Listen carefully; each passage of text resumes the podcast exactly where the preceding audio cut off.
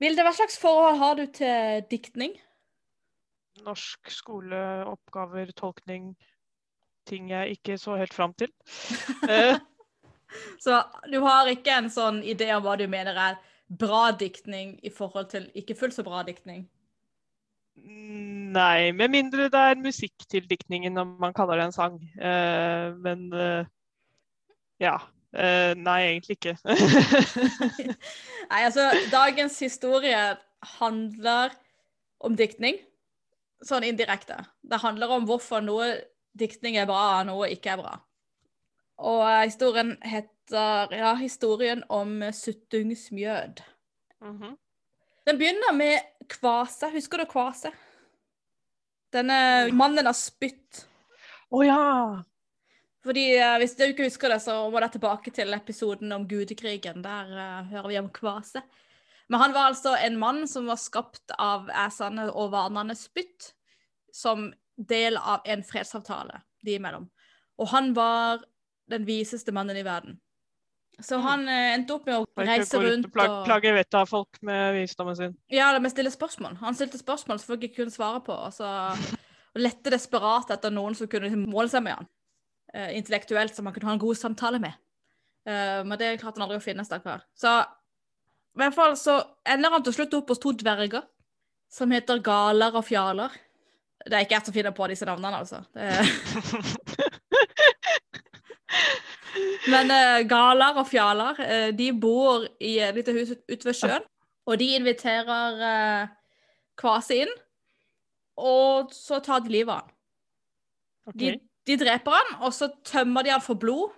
Så de fyller tre kar, eller tre kjeler eller gryter, med blodet til Kvase. Og dette blodet tilsetter de honning i, og kaller det mjød. Rødt mjød. Ja, så dette er noe som har starta i Gudes spytt, og nå er det blitt blod. Så jeg kan bare advare, det kommer flere kroppsvæsker.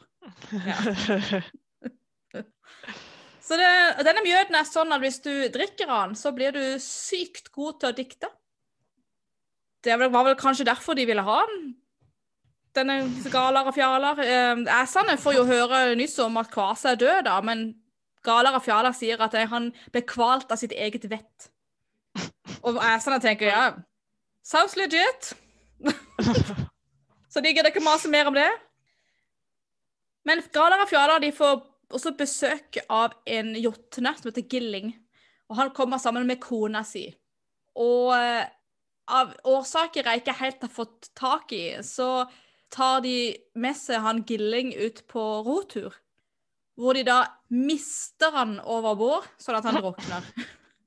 Eh, Disse dvergene igjen, altså. Ja, er sånn skikkelig mafia-style. eh, Jeg, jeg, jeg, jeg er sånn der morder-couple som Ja. bor i en sånn eh, hytte ute i heita, bare dreper alle som kommer over dem. Ja. Så når de ror inn til land igjen, og så forteller de enka at hun ja, er enke, og at uh, Gilling er død. Og hun blir veldig veldig fortvila og begynner å grine høyt. Og, og de sier at kanskje det hjelper også for deg å se stedet hvor det skjedde. Så eh, de skjønte allerede i norrøn tid mye om det her med debrifing og møte traumene sine, da. I hvert fall så ja, sier hun gråtkvalt at det hjelper kanskje, så de tar henne med ut. Og idet hun går ut forbi dørstokken, så slipper han Galar en stein i hodet på henne. Sånn at hun også dør. Ja. Dette her får Gillings sønn Suttung nyss om. Mm. Og han kommer til Galar og Fjalar, roper de inn og setter de på et skjær i havet og truer med å slå de i hjel, som hevn for sine foreldre. Galar og Fjalar de eh, ber om å få betale bot, noe som ikke var så uvanlig, at man betalte seg ut av et drap, liksom. Og Suttung sier OK, men da skal jeg ha denne mjøden din. For ryktet om denne mjøden har jo begynt å spre seg. Så det går Gale og Fjalar med på, da. Så han eh, Suttung tar med seg mjøden. Han bor da i et fjell som heter Nitberg. Nå har jo æsene også hørt rykter om denne mjøden. At Galar og Fjalar lagde mjød av blodet til Kvase. Så når de tenker hm, det var jo vi som lagde Kvase i sin tid, så det er vel rimelig og rett at den mjøden tilhører oss. Så de vil også ta tak liksom i det. ikke om eh, årsakene til hvordan de hadde liksom bestemt seg for å hvordan det endte opp med blodet hans da, etter at han døde. Tenkte ikke Nei. at det var litt mistenkelig. Jeg har ikke en sånn veldig idé om at de er veldig sånn fortvila over tapet av kvase. Jeg tror de er mer fortvila over tapet av en eventuell diktermjød, som eh, de kunne hatt nytte av. Så Odin bestemmer seg for at han skal ha tak i denne mjøden. Så han drar til uh, mot det fjellet hvor Suttum bor, da. Men underveis så kommer han forbi en gård. Og på denne gården så er det ni treller som er ute på åkeren og uh, høster korn. Og de går da med ljåer og slår kornet. Og han, eh, Odin han har skapt seg om, og han kaller seg da Bolverk. Og ser ut som en sånn vanlig fant som rekker langs veien. Og han uh, sier jeg skal ikke hjelpe dere med å slipe ljåene deres. Så han tar fram et sånn slipejern, og så hjelper han å gjøre ljåene skarpe. Og så ser de hvor utrolig bra dette slipejernet er. Så de vil kjøpe det. Og Odin sier ja, jeg ta imot, da. Og så kaster han det opp i lufta. Og alle trellene hopper inn for å ta imot, og så ender de opp med at de da kutter strupen på hverandre med ljåene sine. Og dør alle ni. Hvorfor? Fordi at Odin har en plan. Hva slags plan? og det er at disse trellene de tilhører en fyr, dvs. Si en jotne, som heter Bauge. Og Bauge han er bror til Suttung. Mm. Så Odin han drar til Bauges gård og ber om å få øh, sove over der. og Det får han lov til, men Bauge er veldig fortvila, for han har jo mista alle trellene sine. Og nå er de jo midt i innhøstinga, så hvem skal nå gjøre den jobben? Da sier Odin, at, eller Bolverk som han kaller seg, at jeg skal gjøre den jobben. Jeg skal jobbe for ni menn denne sommeren. Og som lønn så vil jeg ha en slurk av suttungsmjød. Og Bauge sier altså forbilledlig ærlig at denne mjøden tilhører ikke han. Den tilhører Suttung, og Suttung vil ha han for seg sjøl. Men han kan jo alltids følge han til uh, Suttungs uh, slott og, eller borg og spørre. Og dette går Odin med på, da. Så den sommeren så jobber han for ni menn. Og på slutten av sommeren så tar Bauge og følger han hjem til Suttung og spør Suttung om ikke han kan, denne Bolverk kan få en slurk av mjøden. Sutting sier ikke overraskende nei. Dette er min mjød. Jeg hadde følelse at det ikke var sånn veldig kjærlig, de to brødrene imellom. men men eh, Odin han gir seg ikke. Eh, han har en plan igjen, så han eh, tar fram et lite bord, og så sier han til Bauge du må bare bore et lite hull i fjellet. Så det gjør Bauge, og da skaper Odin seg om til en orm, og så, så kryper han inn. Og det står at Bauge prøvde å stikke han med båra, men klarte ikke å treffe. Så. Okay. Inne i fjellet, eh, der blir Odin seg sjøl igjen, og der møter han ei jente, eller ung kvinne. Hun heter da Gunnlod, og hun er dattera til Suttung. Mm. Og det er hun som har fått i oppdrag å sitte og passe på eh, denne mjøden. Av alle som kunne fått til å sitte og passe på den mjøden. Ja, ikke sant? Så tenkte jeg å være en kvinne i sin beste alder og så måtte sitte i et mørkt rom og passe på tre kar med mjød. Altså, så hun reagerer akkurat som du forventer av å finne en mannfolk eh, i rommet sitt. Hun bare Yes, endelig selskap. OK. Eh, okay.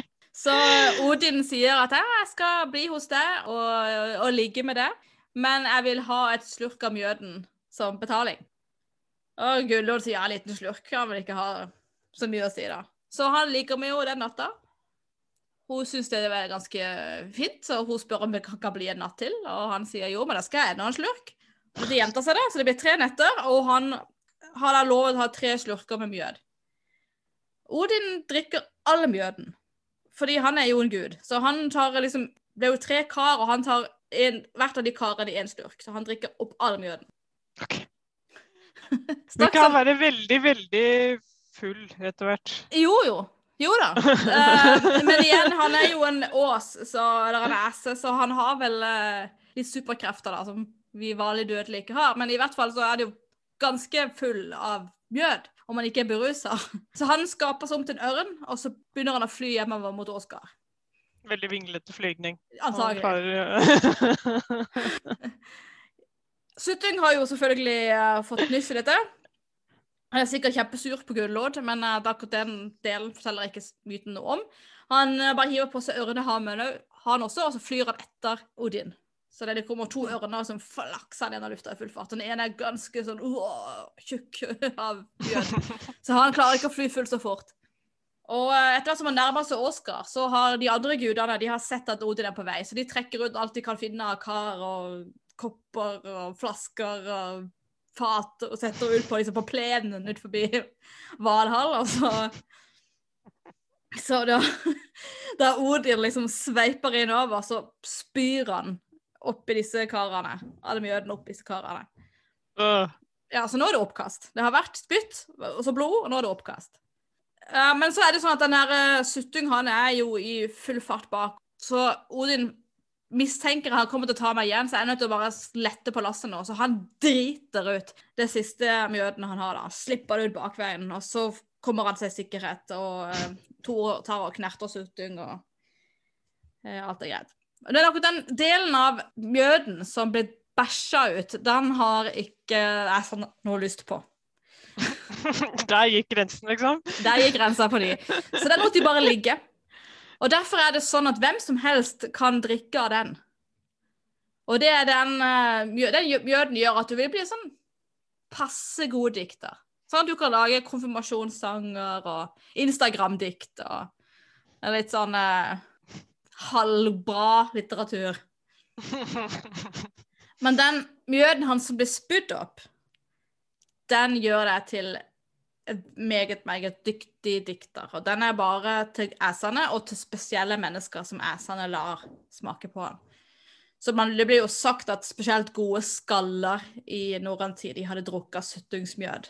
Så Så de har fått den ordentlige, ikke den fuglebæsjvarianten? Nei, nei, de har fått den fugleoppkastvarianten. Som visstnok skal være bedre. Så det er i hvert fall det som, endte, som Kvase endte opp med, da. Var jo et trist og kort liv, men uh, han endte nå i hvert fall opp med å bli liksom, på en måte slags stamfar til alle gode diktere. Så noe kom det da ut av. Det virker jo som han lider skjebnen til nesten alt guden har skapt. De bare sånn skaper noe, og spør sånn Ja ja, vi skapte noe, og så bare lar vi det være der og blir utsatt for mye fæle ting. Og vi utnytter det også når vi trenger å gjøre det. Ja. Jeg tror du har slått spikeren på hodet der, altså. De er noen drittsekker, rett og slett, til tider. Litt sånn uh, vi, vi, tenkte oss ikke helt om. Jeg tror jeg egentlig er uh, Jeg sa det i et nøtteskall. Ops. Men det er i hvert fall historien om uh, diktermjøden.